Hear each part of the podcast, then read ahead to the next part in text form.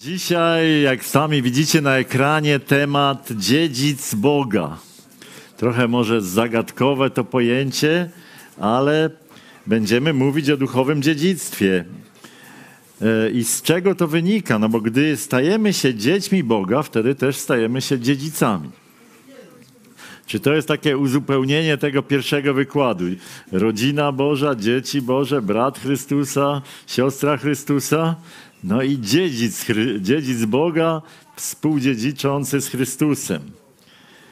W takim ziemskim systemie dziedziczenia to my nasze dziedzictwo otrzymujemy dopiero po śmierci tego właściciela tych dóbr, nie?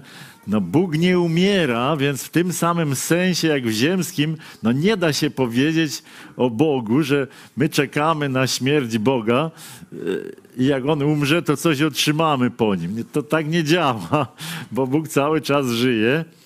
E, więc, e, więc w tym e, pojęciu dziedzictwo mieści się coś innego. To, to, niż, I to się dziedziczy w innym porządku niż w takim porządku ziemskim, gdzie nasze życie jest, jest ograniczone.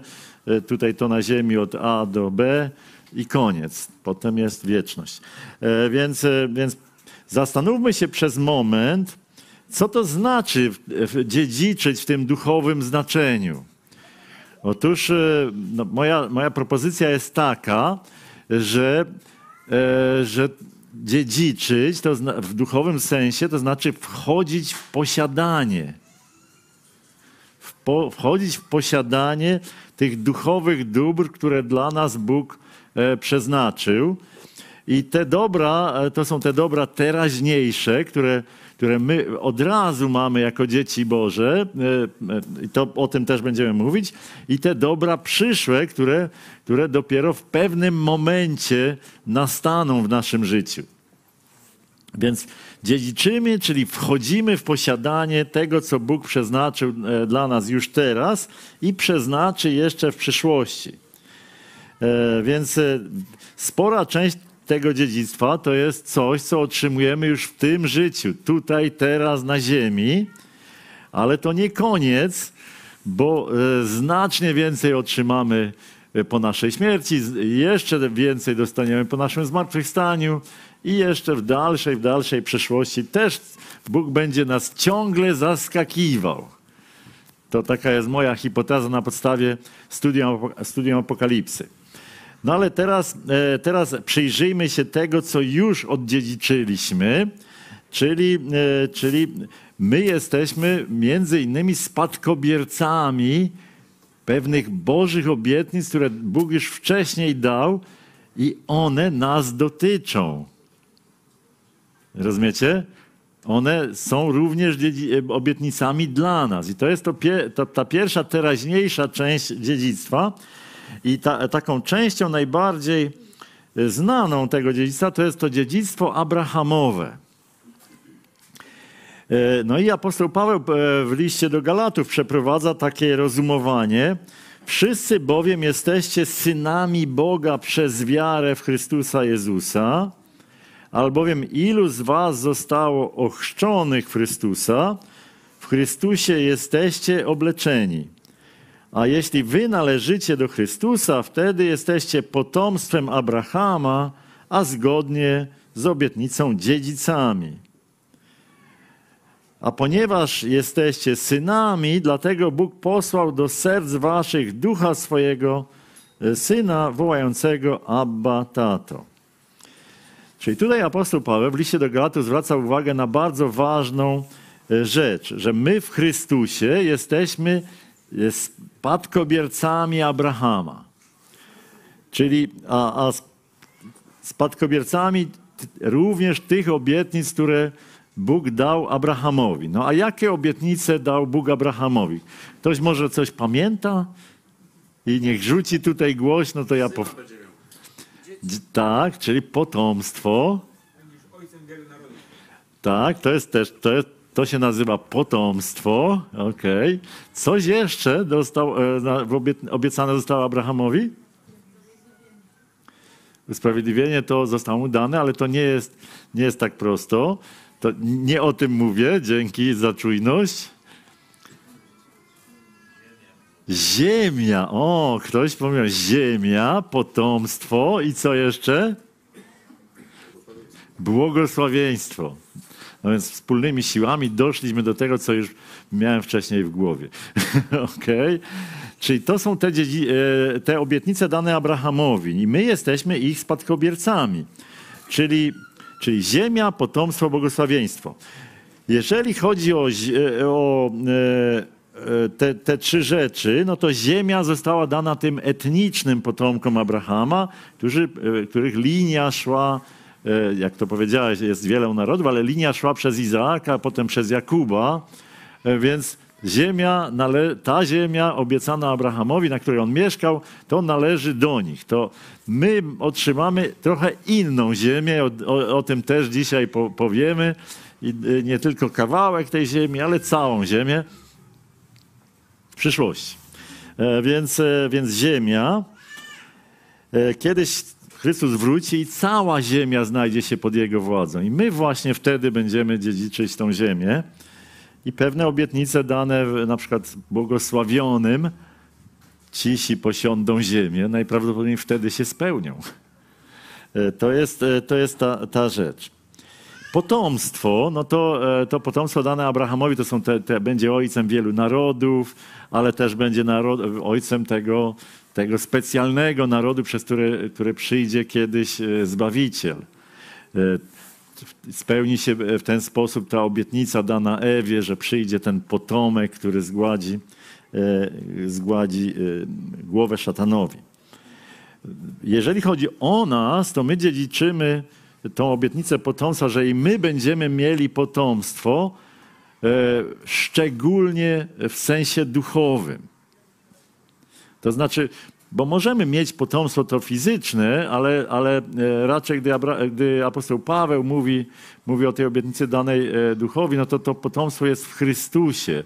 Czyli gdy my kogoś przyprowadzimy do Chrystusa, to jest to nasze duchowe potomstwo. I on potem być może przyprowadzi jeszcze kogoś innego, jeszcze kogoś innego, i tak to nasze potomstwo będzie się na tej ziemi duchowe potomstwo rozwijać. Jeżeli chodzi o błogosławieństwo, to jest, e, to jest Boże zaopatrzenie. Mamy, mamy gwarancję tego, że Bóg będzie się troszczył o nas i, w, e, i te, tak jak troszczył się o Abrahama, Mamy gwarancję zaopatrzenia, mamy gwarancję opieki Bożej, że On nas będzie chronił, bronił i mamy gwarancję Bożej przychylności. To są takie rzeczy, które mieszczą się w pojęciu błogosławieństwo. To błogosławieństwo jest już teraz, ale też błogosławieństwo będzie w przyszłości i tego doświadczać może każdy chrześcijanin.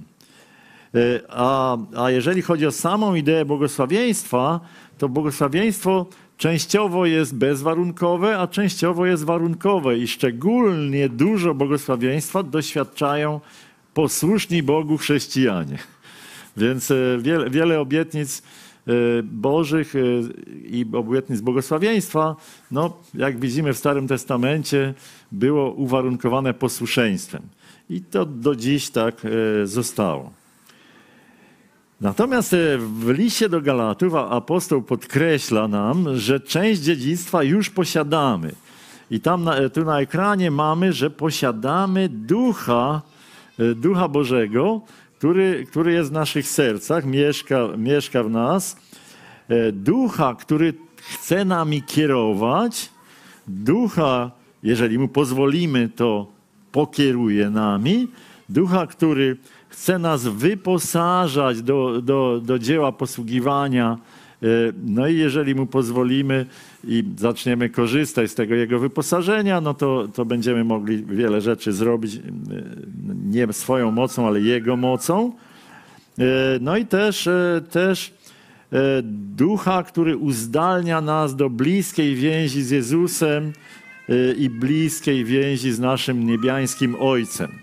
I zwróćcie uwagę, że w Nowym Testamencie ta więź jest bezpośrednia, w Starym Testamencie ta więź miała, miała jako pośredników kapłanów, ofiary i tam do Boga zbliżać się nie było można. W Nowym Testamencie jest to więź ka każdego wierzącego ze swoim Ojcem, e, bezpośrednia więź. E, jest to więź e, e, po prostu indywidualna, osobista, szczególna. Bóg się z jednym w taki sposób komunikuje, z innym e, w inny. Jednemu okazuje miłość w taki sposób, drugiemu inaczej i tak dalej, i tak dalej. To jest, to jest taka więź, gdzie każdy przez Boga jest traktowany w sposób indywidualny i wyjątkowy. To nie jest tak jak w Starym Testamencie, gdzie Izrael no, był taką jednym wielkim tłumem ludzi i Bóg tak, e, wiecie, cały ten tłum pasł w analogii do bycia do ludu jak, jako porównanego do stada owiec. Nie? Więc, e, więc to jest to. Część tego dziedzictwa e, e, naszego duchowego to jest udział w chwale. I o tym mówi apostoł Paweł w liście do Rzymian. A jeżeli jesteśmy dziećmi, to i dziedzicami. Dziedzicami Boga, a współdziedzicami Chrystusa.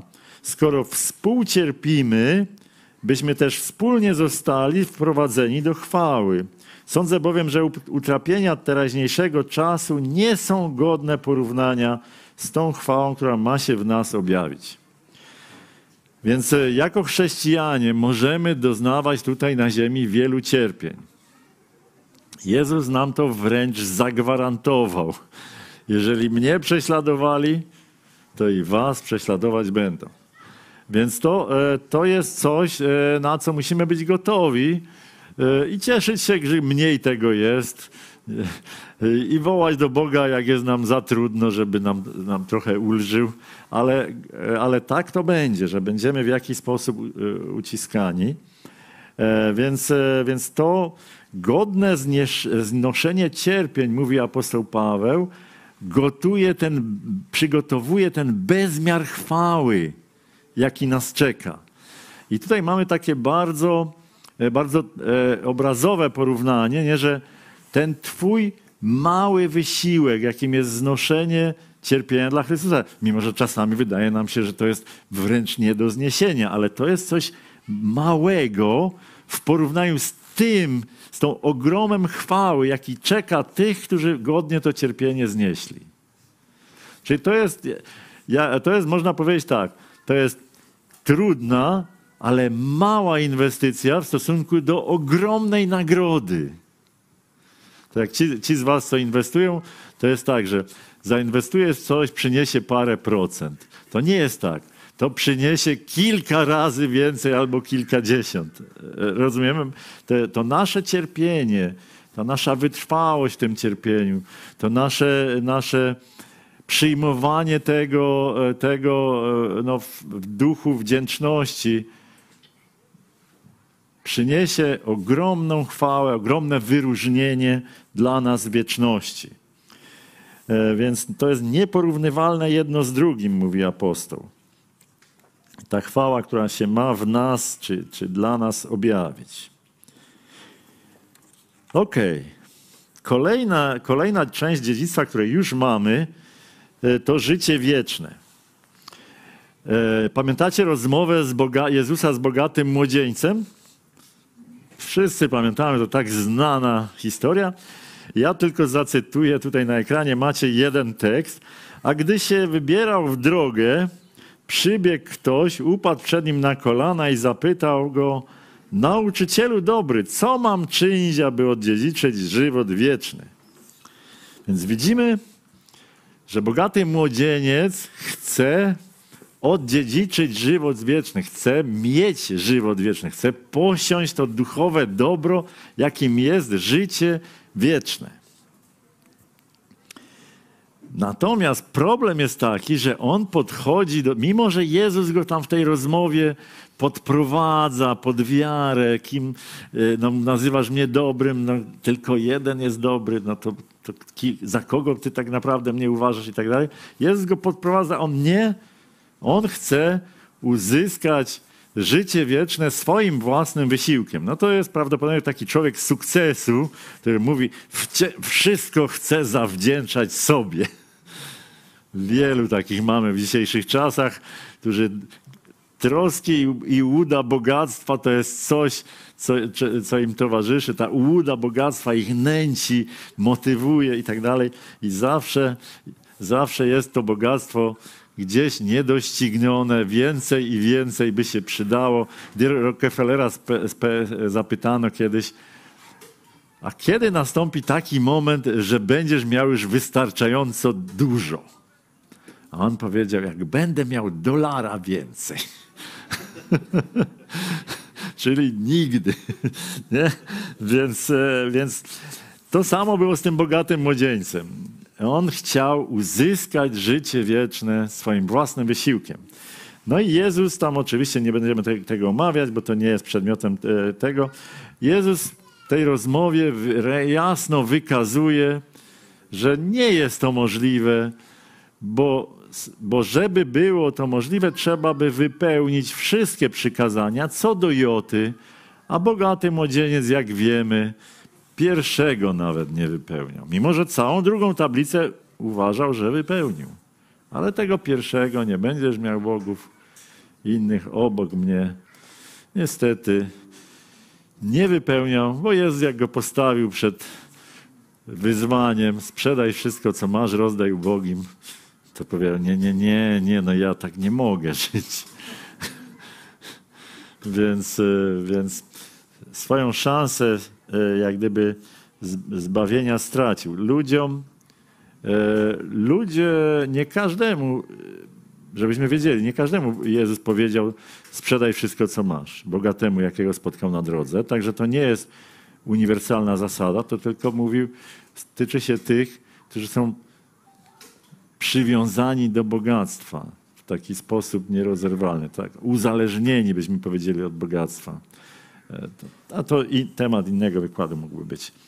Więc, e, więc potem, e, nie wiem czy pamiętacie, bo się rzadko kiedyś w kościele czytało to tak razem. Potem następuje taka ciekawa rozmowa Jezusa z apostołami.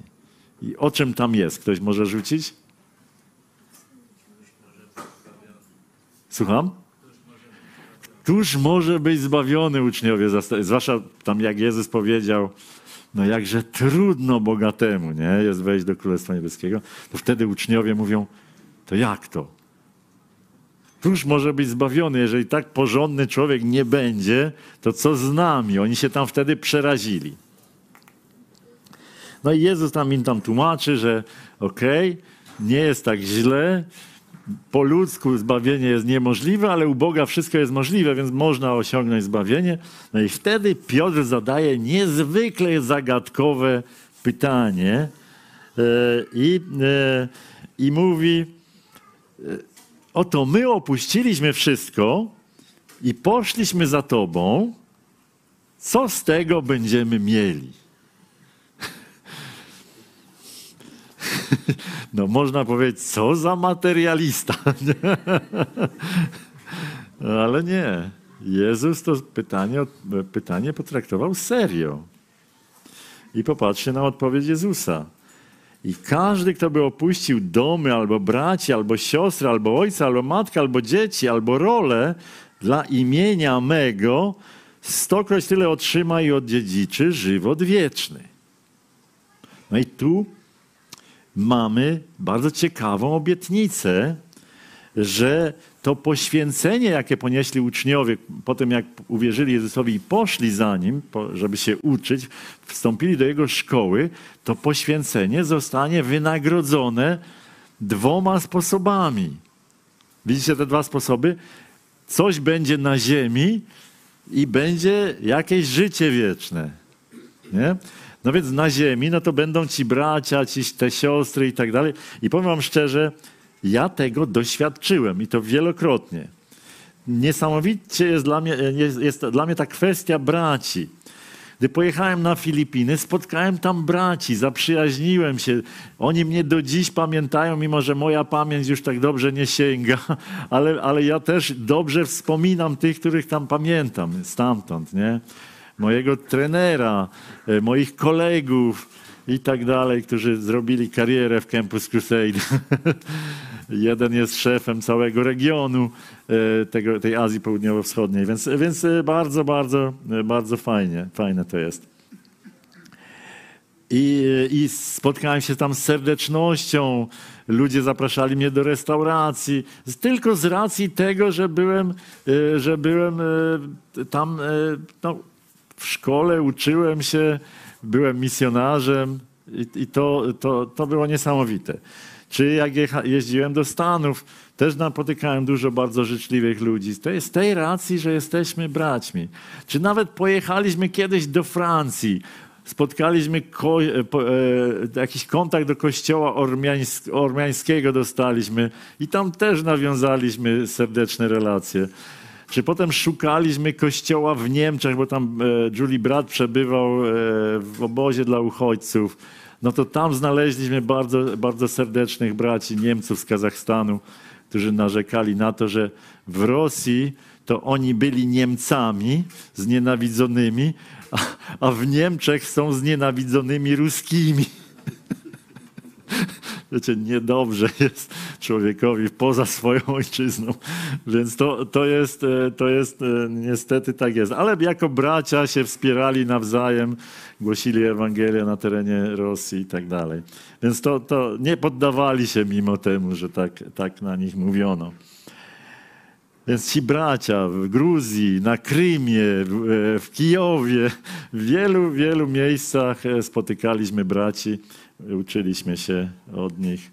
E, niesamowite to, to jest ta kwestia braci, że stokroć tyle braci otrzyma, czy sióstr tutaj, nie? E, no i, no i to, jest, to jest ta nagroda tutaj na ziemi. Ale jest też ta nagroda w niebie, którą, o której mówi Jezus mówiąc, życie wieczne odziedziczy.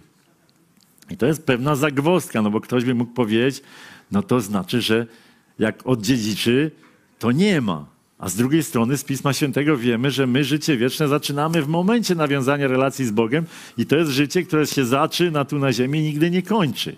No to co Jezus może mieć na myśli, mówiąc życie wieczne odziedziczy? No, żeby sobie odpowiedzieć na to pytanie, no to musimy najpierw udowodnić tą pierwszą część, że my życie wieczne już mamy. Wam to tego udowadniać nie mogę, ale dla formalności to zrobię. Nie, nie muszę, ale dla formalności to zrobię, że być może ktoś nas będzie słuchał w necie, więc e, dla niego to jest ważne. No e, skąd wiemy, że mamy już życie wieczne? Kto wierzy w Syna, ma żywot wieczny, kto zaś nie słucha Syna, nie ujrzy żywota, lecz gniew Boży ciąży na nim. Jana 3,36. Czyli ma życie. To w ogóle, jak ja e, zaczynałem czytać Pismo Święte, to największą zagwozdką sprawiały mi te wersety. No bo wiecie, życie wieczne to się e, zaczynało po śmierci, jak człowiek e, tam zasłużył, nie? A tu czytam i mówię, no jak? To albo czegoś ja nie rozumiem, ale wydaje się, że to jest proste. Tu nie ma te, jak inaczej tego rozumiem? No to może ja nie mam takiej wiary, jak tutaj jest mowa, to może ta i tak dalej. No, dużo dylematów z tymi wersetami mia, miałem, ale e, kolejny werset czytam z Ewangelii Jana. Zaprawdę, zaprawdę powiadam wam, kto wierzy we mnie ma żywot wieczny. No, no i tak chyba z osiem takich, e, takich podobnych temu wersetów jest w Ewangelii Jana. No to nie sposób nie zauważyć, że to jest stan obecny, który my, w którym my jesteśmy. Mamy, posiadamy życie wieczne. E, więc w związku z tym, że ponieważ uczniowie na samym początku wierzyli w Niego jako Mesjasza, należy zakładać, że oni to życie wieczne mieli. Więc co znaczy zatem to życie, żywe, życie wieczne odziedziczy? No i żeby sobie to wyjaśnić, musimy chyba sięgnąć i przyjrzeć się samemu życiu wiecznemu, bo to jest rzeczywistość złożona, skomplikowana i rozłożona w czasie. Otóż można by to porównać do różnych wersji produktu. To jest nie, nie, krzywdzące dla życia wiecznego porównanie, bo produkty są czasowe, a ono jest wieczne, więc, więc ale ale bądźmy cierpliwi wobec tej analogii i, i, i tak dalej. No to mamy, e, można, e, więc mamy różne wersje produktu. Jest wersja produktu 1.0, nie? Taki, taki świeży, nowy, luksusowy produkt 1.0, życie wieczne w wersji 1.0 to rzeczywiście jest luksusowy produkt. No i przyjrzyjmy się mu.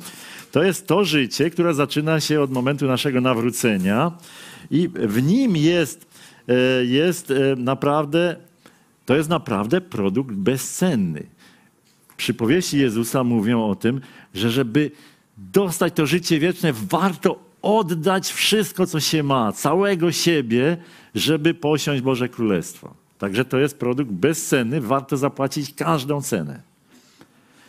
To jest ważna rzecz, nie? Życie wieczne to tu na ziemi jest czymś wspaniałym. Dlaczego? No dlatego, że my doświadczamy dobroci tego życia już teraz. Mamy pokój z Bogiem. Nie? Kiedyś Bóg się na nas gniewał, doświadczaliśmy Boży, Bożego gniewu. Dzisiaj mamy pokój z Bogiem. Mamy e, pewność zbawienia. Czyli mamy poczucie bezpieczeństwa, jakiego nie ma nikt na ziemi. Gdyby cię dzisiaj ktoś zastrzelił, albo by wjechał w drzewo, i, i, e, bo ci hamulce zawiodły, idziesz do nieba. Żyjesz bez strachu. Życie wieczne wersji 1.0 już samo w sobie jest produktem luksusowym. Rozumiemy? E, oprócz tego mamy, mamy Ducha Świętego, jesteśmy świątynią Boga. My nie musimy iść gdzieś tam do jakiegoś miejsca, do budynku kościelnego, żeby się pomodlić, bo tam jest Bóg. On jest tu. Ty po prostu idziesz do świątyni swojego serca i chwalisz Boga. Prosisz Boga, On cię słyszy. To jest to, jest to życie wieczne w wersji 1.0. Więc ciesz, cieszmy się tym życiem, i, i tą radość naprawdę przeżywajmy e, i, i wyrażajmy w swoim życiu. To, to tylko kilka dobrodziejstw, które podałem z tej, z tej wersji 1.0. Otóż przejdźmy w takim razie do wersji 2.0. E, wersja życia wiecznego 2.0 zaczyna się po naszej śmierci. Ok? Po naszej śmierci idziemy przed oblicze Boże, idziemy do nieba. Czyli idziemy do miejsca, gdzie nie ma grzechu. To, co nas najbardziej gnębi na ziemi, to nawet jak jesteśmy wśród najbardziej dojrzałych chrześcijan, to oni są grzeszni. Prawda?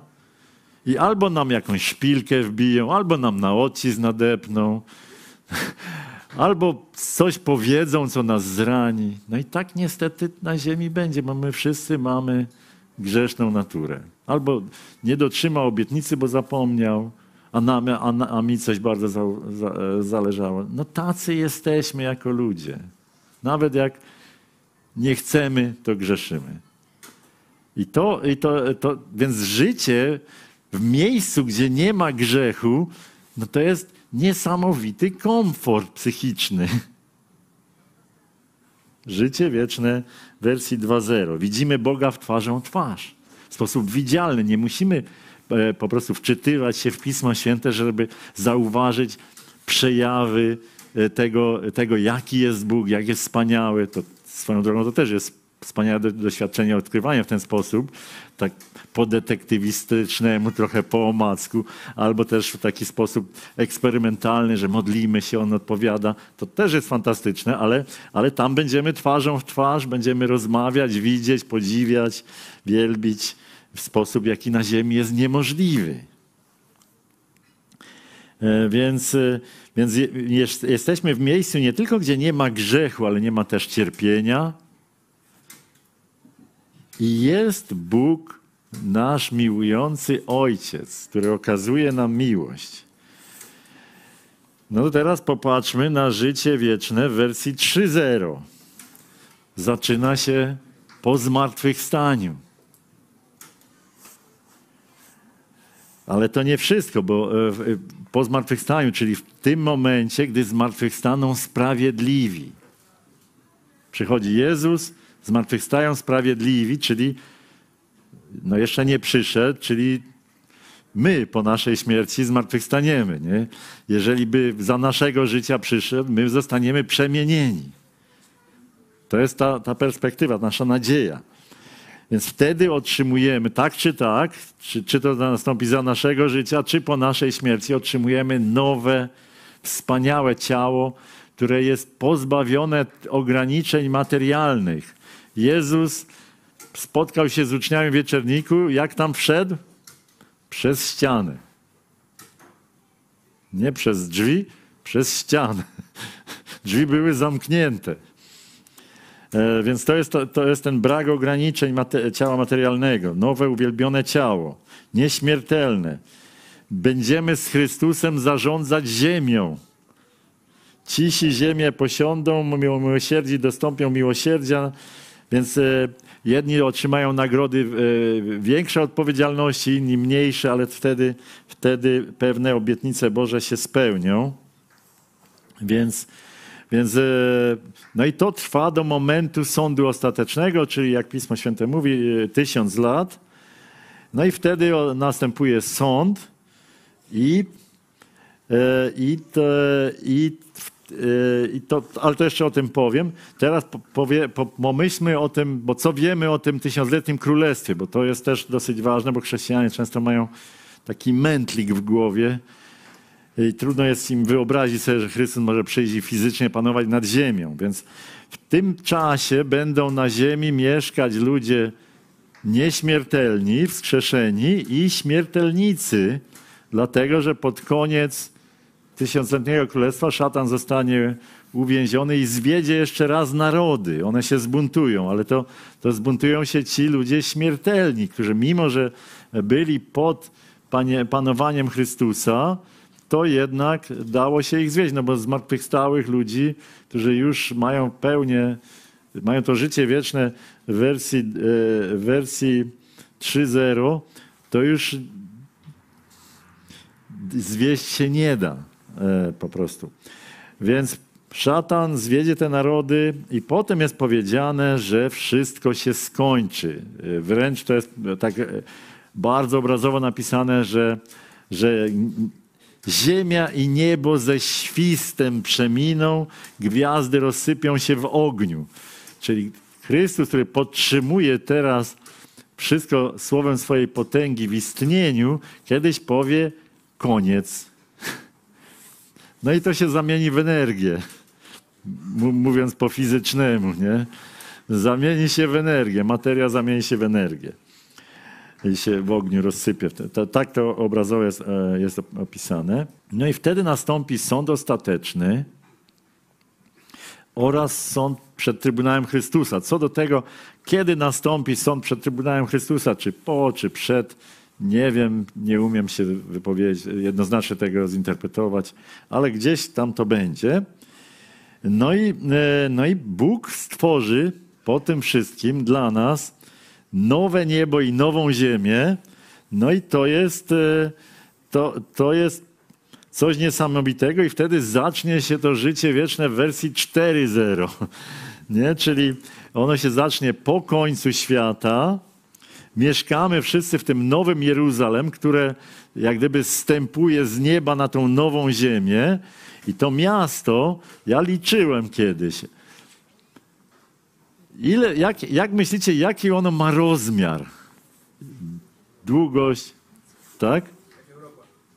Jak Europa, tak. 10 tysięcy kilometrów mniej więcej.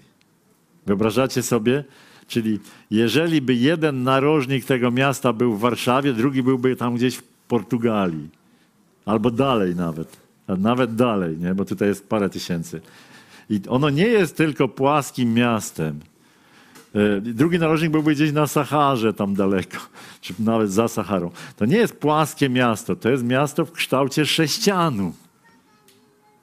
Tam będą te złote ulice, tam będzie ta rzeka wody życia, tam będzie e, Bóg mieszkał razem ze swoim ludem, nie będzie potrzebne żadne słońce i tak dalej, bo lampą będzie baranek. E, e, to, to niesamowita rzecz.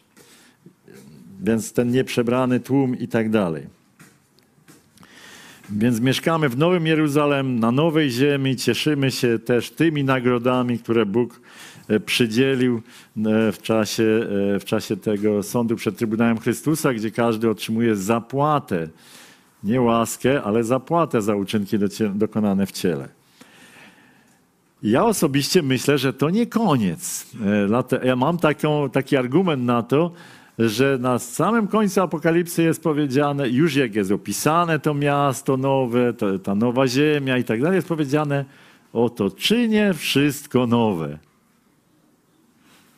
Czyli prawdopodobnie czekają nas jeszcze jakieś niespodzianki, jakieś jeszcze nowe rzeczy. Więc, e, więc chodzi o to, że że wydaje się, że Bóg jest nieskończenie kreatywny, w związku z tym e, jeszcze niejednokrotnie nas zaskoczy z czymś zupełnie nowym. Jakimiś nowymi rolami, jakimiś nowymi światami. Nie wiemy, to już jest fantazja nasza, ale, ale, ale jakieś, e, jakieś sugestie Pismo Święte daje, że, że, że najważniejsze z tego, co chcę powiedzieć e, o tych wersjach życia wiecznego, jest to, że Niebo nie jest nudne. To nasza kultura rysuje, że niebo to jest nuda, a piekło to jest coś ciekawego. To jest taka, taka promocja piekła, który świat proponuje. Był taki film, nie pamiętam, ale że tam chodzili po tym niebie i tylko o, jaki jestem szczęśliwy. Tak, tak, tak, tak. To, to, to, to właśnie to są te parodie tego nieba, że, że w niebie nie będziemy mieli żadnego zajęcia. Wydaje się, że będziemy mieli w tej przyszłości jakieś zajęcia. E, więc to, to jest to. Więc nie dajmy sobie wmówić, że życie wieczne jest nieciekawe, nudne, bo takie absolutnie nie będzie. Będzie, jak to już zacytowałem wam, życiem na maksa przez każdy moment wieczności. Nie będzie zmęczenia, nie będzie łez, nie będzie trudu, nie będzie chromych, ślepych i, i, i, tak dalej. Po prostu każdy będzie miał doskonałe ciało. Niesamowite. Więc, więc gdy Jezus mówi do Piotra, że człowiek, który poświęcił swoje życie dla Chrystusa, dla, dla Ewangelii, życie wieczne odziedziczy, to ja myślę, że on mówi o tym życiu wiecznym w tej wersji 2, 3, 4, 0, nie? I mówi też o tym, że nie każdy będzie miał to jednakowe życie wieczne, bo jeden będzie miał więcej tego skarbu w niebie, drugi nie będzie miał. Jeden będzie pełnił taką rolę, inny taką, więc to, będzie to zróżnicowanie w tym niebie. No i no ale możecie powiedzieć, ale Zdzichu, teraz to już kompletnie zmyślasz.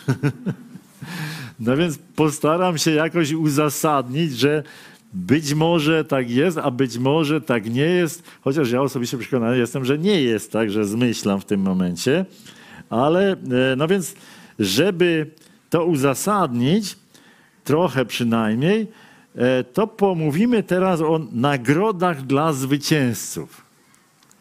Otóż E, jak się czyta Apokalipsę i listy do kościołów, to mamy tam e, wspomniane nagrody e, dla zwycięzców. Wiemy, że Kościół to jest to jedno globalne ciało Chrystusa, ale ono przybiera lokalną formę.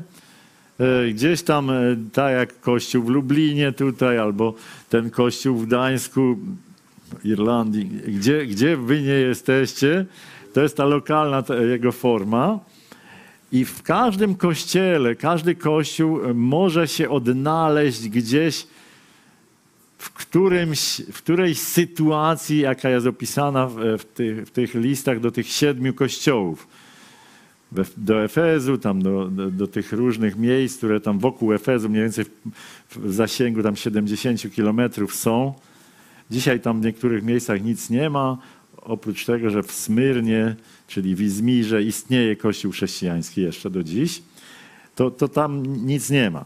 Ale, ale kościół przeniósł się na inne krańce świata, więc każdy kościół może się gdzieś odnaleźć. I, i, te, e, I jak się czyta te siedem listów do kościołów, czy te, to, to się zauważa coś takiego, że są kościoły, które Bóg tylko chwali. Filadelfia.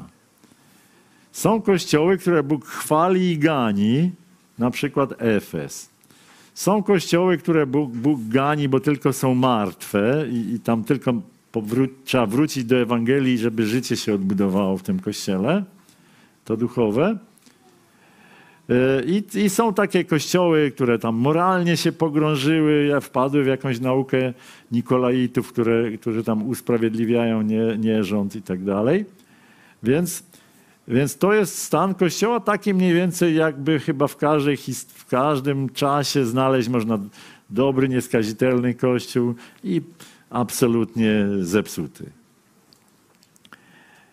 Ale w każdym z tych kościołów są jacyś zwycięzcy. To jest niesamowite, że, że, że jest obietnica dla kogoś, kto zwycięża. Czyli nawet jak to jest martwy kościół, ktoś może być tam duchowo żywy. Ktoś może, mimo że inni nie wierzą, wierzyć, ufać, e, e, ufać Słowu Bożemu, mimo że oficjalne nauczanie przeczy Słowu Bożemu i tak dalej. To są ci zwycięzcy. I ci zwycięzcy otrzymają specjalne wyróżnienia, specjalne nagrody. I tutaj na ekranie mamy, mamy e, takie kilka nagród wspomniane. Zwycięzcy dam spożywać z drzewa żywota, które jest w raju Bożym. Albo bądź wierny aż do śmierci, a dam ci koronę życia. Zwycięzca nie dozna szkody od drugiej śmierci. Więc tutaj mamy pierwsza nagroda, to jest to spożycie owocu z drzewa życia. Wiecie, w raju tym, który był poprzednio na ziemi, było drzewo życia, nie? Ale, ale owoc był zastrzeżony, nie wolno było. Potem raj został zamknięty, prawdopodobnie przeniesiony do nieba, bo raj Boga nadal istnieje i postawiony te ci aniołowie. W każdym razie zwycięzca spożyje tego owocu. I ciekawe, że nikt mu tego nie będzie zazdrościł. Może będą ludzie z ciekawości pytać, spróbuj opisać nam, jak to smakuje, czym to jest, nie? Ale to jest takie specjalne wyróżnienie. Skosztować czegoś, kto niewielu, niewiele osób będzie miało ten przywilej, tylko ci zwycięzcy, niektórzy, niektóre typy zwycięstwa. Korona życia. Wiecie, byliśmy w Grecji na takiej naszej prywatnej podróży misyjnej, żeby głosić Ewangelię Grekom z, z Julii rodziny. No i byliśmy w grobie e, ojca Aleksandra Wielkiego. No i tam były takie korony ze złota, takie wieńce z takimi listkami wykutymi w złocie. I to jest ta korona życia. Czyli wieniec laurowy zrobiony ze złota e, na przykład. Nie? Więc, e, więc jak była olimpiada w Grecji, to też dawali takie wieńce, tylko nie ze złota, ale te wieńce laurowe. E, w każdym razie a dam ci koronę życia. Czyli to jest zwycięzca. Oni w czymś zwyciężyli i otrzymają uhonorowanie, medal olimpijski, virtuti militari, co by to nie było, ale jakieś tego typu wyróżnienie otrzymają. Nie? Też zapewnienie, że nie doznają szkody od drugiej śmierci, nie? czyli to jest takie upewnienie ich, ich w, w tym, że, że życia wiecznego absolutnie mają i nie stracą.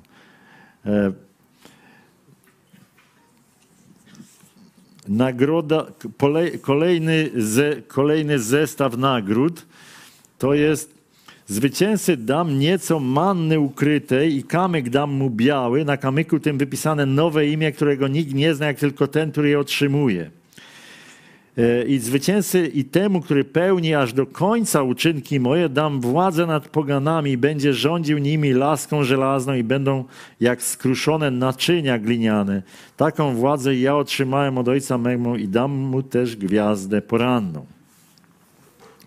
Ta manna ukryta i ten kamyk to jest coś niezwykłego, ale wydaje się, że są to symbole pewnej specjalnej więzi z Bogiem, takiej ja i ty, nie? Czyli, czyli Bóg powie, wiesz co, tu jest coś, czego nikt jeszcze nie próbował. Stworzyłem to specjalnie dla ciebie.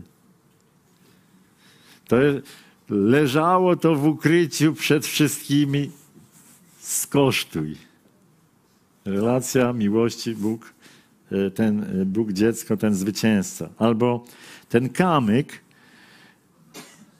kamyk, imię nowe, pamiętacie, wyróżnienie dla Piotra, Abrahama i tak dalej, nie? Imię nowe, ale to imię, tego imienia nie zna nikt inny, tylko ty i Bóg.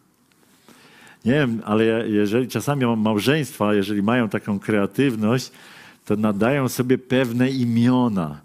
I oni, i małżeństwa mówią do siebie tymi imionami właśnie tam. I oczywiście my y, zwykle to wyjdzie, jakimi imionami do siebie mówimy.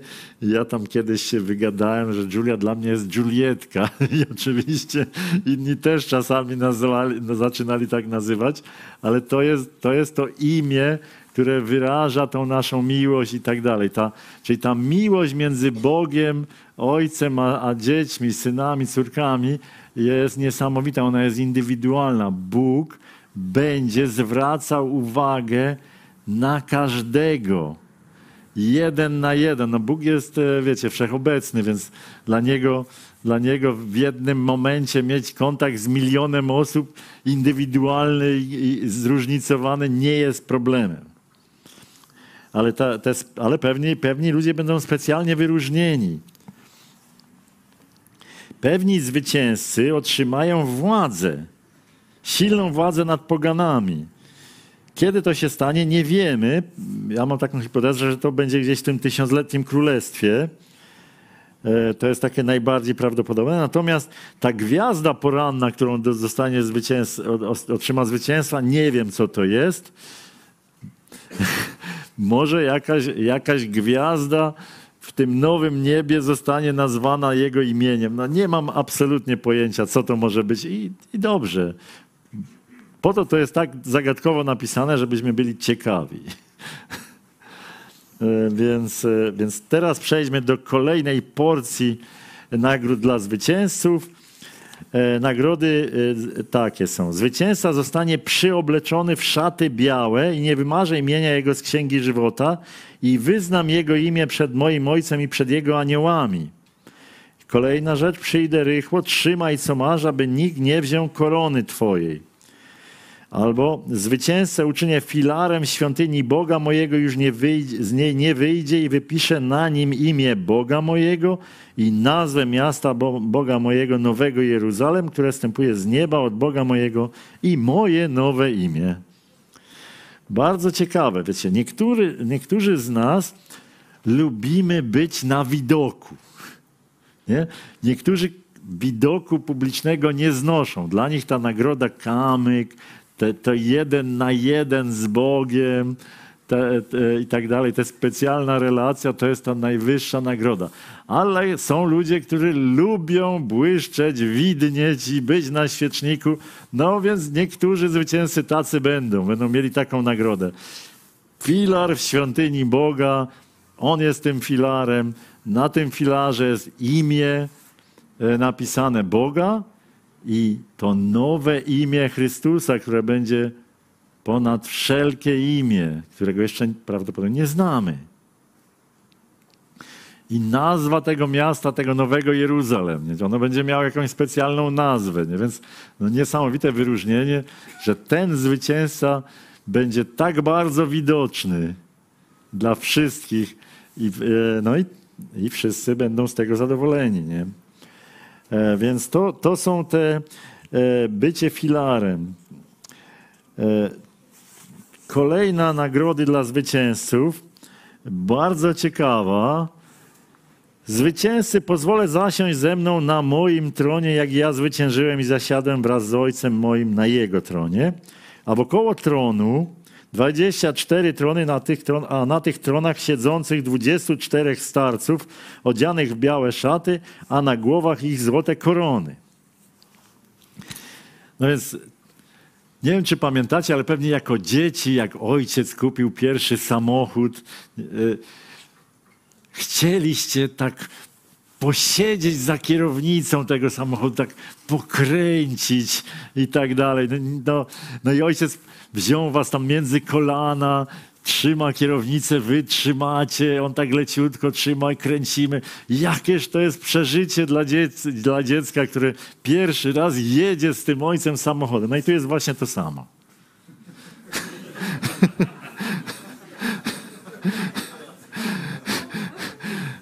E, siedzimy wraz z Ojcem i z Jezusem na tronie wszechświata i kręcimy razem tą kierownicą. Niesamowita nagroda, nie? Chodzi o to, że dla tych, którzy są kierowcami, lubią rządzić, no to jest poczuć, jak Bóg kieruje światem. Niesamowite wyróżnienie. Też e, niesamowitym wyróżnieniem jest te 24 trony i te korony, które rzucają te star e, ci starsi w geście uwielbienia. Otóż e, to jest bardzo ważny symbol tego, że jak się przyjrzymy tym nagrodom, tym wyróżnieniom dla zwycięzców, to okazuje się, że to nie służy ich chwale te nagrody są narzędziami do chwalenia Boga. Czyli to, co nas wyróżnia, co Bóg nam dał, żeby nas uhonorować, będzie nam służyć do tego, żebyśmy mogli w jakiś bardziej unikalny, niezwykły sposób oddawać chwałę Bogu. Czyli ja nie widzę za dużo egoizmu w tym pragnieniu e, zdobycia nagrody, zostania tym zwycięzcą bo to będzie służyć oddawaniu chwały Boga. Ci starsi biorą te korony, padają przed Bogiem, składają je przed Bogiem w geście wielbienia, ale będą wyróżnieni przez to, że będą tam blisko, w pierwszym szeregu. tak dalej. Więc to, to, to jest to wyróżnienie. E, no więc e, e, przejdźmy do, do kolejnej rzeczy i już powoli konkludujmy. My tedy Głosimy mądrość wśród doskonałych, lecz nie mądrość tego świata, ani władców tego świata, którzy giną, ale głosimy mądrość Bożą, tajemną, zakrytą, którą Bóg przed wiekami przeznaczył ku chwale naszej, której żaden z władców tego świata nie poznał, bo gdyby poznali, nie byliby Pana chwały ukrzyżowali. Głosimy tedy, jak napisano, czego oko nie widziało i ucho nie słyszało, i co do serca ludzkiego nie wstąpiło, to przygotował Bóg tym, którzy go miłują. Albowiem nam objawił to Bóg przez ducha, gdyż duch bada wszystko, nawet głębokości Boże. Więc, e, więc nie, niesamowite jest to, że apostoł Paweł, on mówi, że my głosimy mądrość Bożą, która, którą głosimy wśród tych ludzi doskonałych, czyli żyjących celowo, ludzi wierzących, i że ta mądrość jest zakryta. Zakryta dla ludzi tego świata.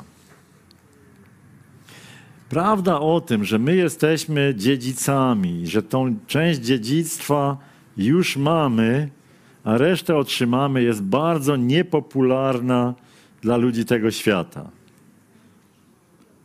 Pamiętam,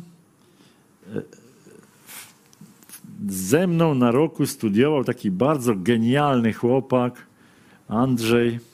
Studiował jednocześnie matematykę i fizykę i na obu tych kierunkach miał praktycznie rzecz biorąc same piątki z góry na dół. Dzieliłem się z nim Ewangelią, nie przyjął Chrystusa, Próbowałem jeden, drugi raz. Pewnego razu powiedziałem mu coś, co go zaszokowało. Wiesz, Andrzeju, ja już, ja wierzę, że już mam życie wieczne. A on do mnie na to mówi, Zdzichu, to ty jesteś najbardziej zarozumiałym człowieka, jakiego znam. Nawet bardziej zarozumiałem niż ja.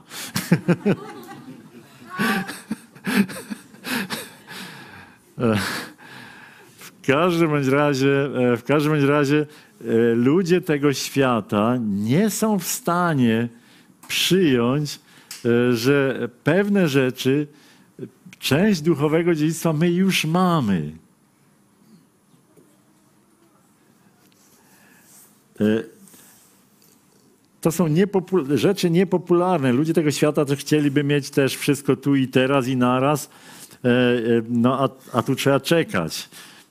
1, 0, 2, 0, 3, 0, nie? To, to, mm, natomiast Bóg przygotował dla nas rzeczy absolutnie niepojęte, niewyobrażalnie ciekawe, nie do opisania językiem. To jest to właśnie Jego dziedzictwo, którego część z łaski, a dodatkowe nagrody e, jako zapłatę otrzymamy. E, I, e, I to, te rzeczy zostały objawione apostołowi po to, żebyśmy mieli tą nadzieję na wieczną przyszłość. Że na to, tą wieczną przyszłość, którą mamy z łaski, pracować nie musimy, ale na tą wieczną przyszłość, którą mamy jako zapłatę za uczynki, warto pracować. W związku z tym, e, w związku z tym e, będziemy wtedy, e, wtedy łatwiej znosić trudy, prześladowania i tak dalej, bo wiemy, że to nie zostanie bez nagrody. Że Bóg w specjalny sposób uhonoruje męczenników, uhonoruje cierpiących, uhonoruje tych, którzy trudzili się dla Jego chwały tak, jak potrafili. Bóg z jednej strony jest Bogiem łaski, ale z drugiej strony jest Bogiem sprawiedliwości. I ty, On nie pozostawi bez nagrody tych, którzy się dla Niego trudzili, więc a ta nagroda będzie w trakcie życia wiecznego. Nią nie będzie życie wieczne, bo to będzie miał tam każdy, ale w trakcie tego życia wiecznego jakieś wyróżnienia, jakiś specjalny, specjalny rodzaj e, doświadczeń, komunikacji z Bogiem e, będziemy mieli. E, Więc, więc szczególnie Bóg ceni męczenników. I ci w Apokalipsie opisywani są najczęściej. To, to jest niesamowita kategoria ludzi. No więc teraz podsumujmy sobie. My jesteśmy dziedzicami Boga. Jesteśmy dziedzicami Boga. Część dziedzictwa już otrzymaliśmy. I to jest towar luksusowy pierwszej klasy. Ludzie tego świata marzą, żeby czuć to, co my czujemy. I nie wierzą nawet, że coś takiego jest możliwe. Resztę dziedzictwa otrzymamy.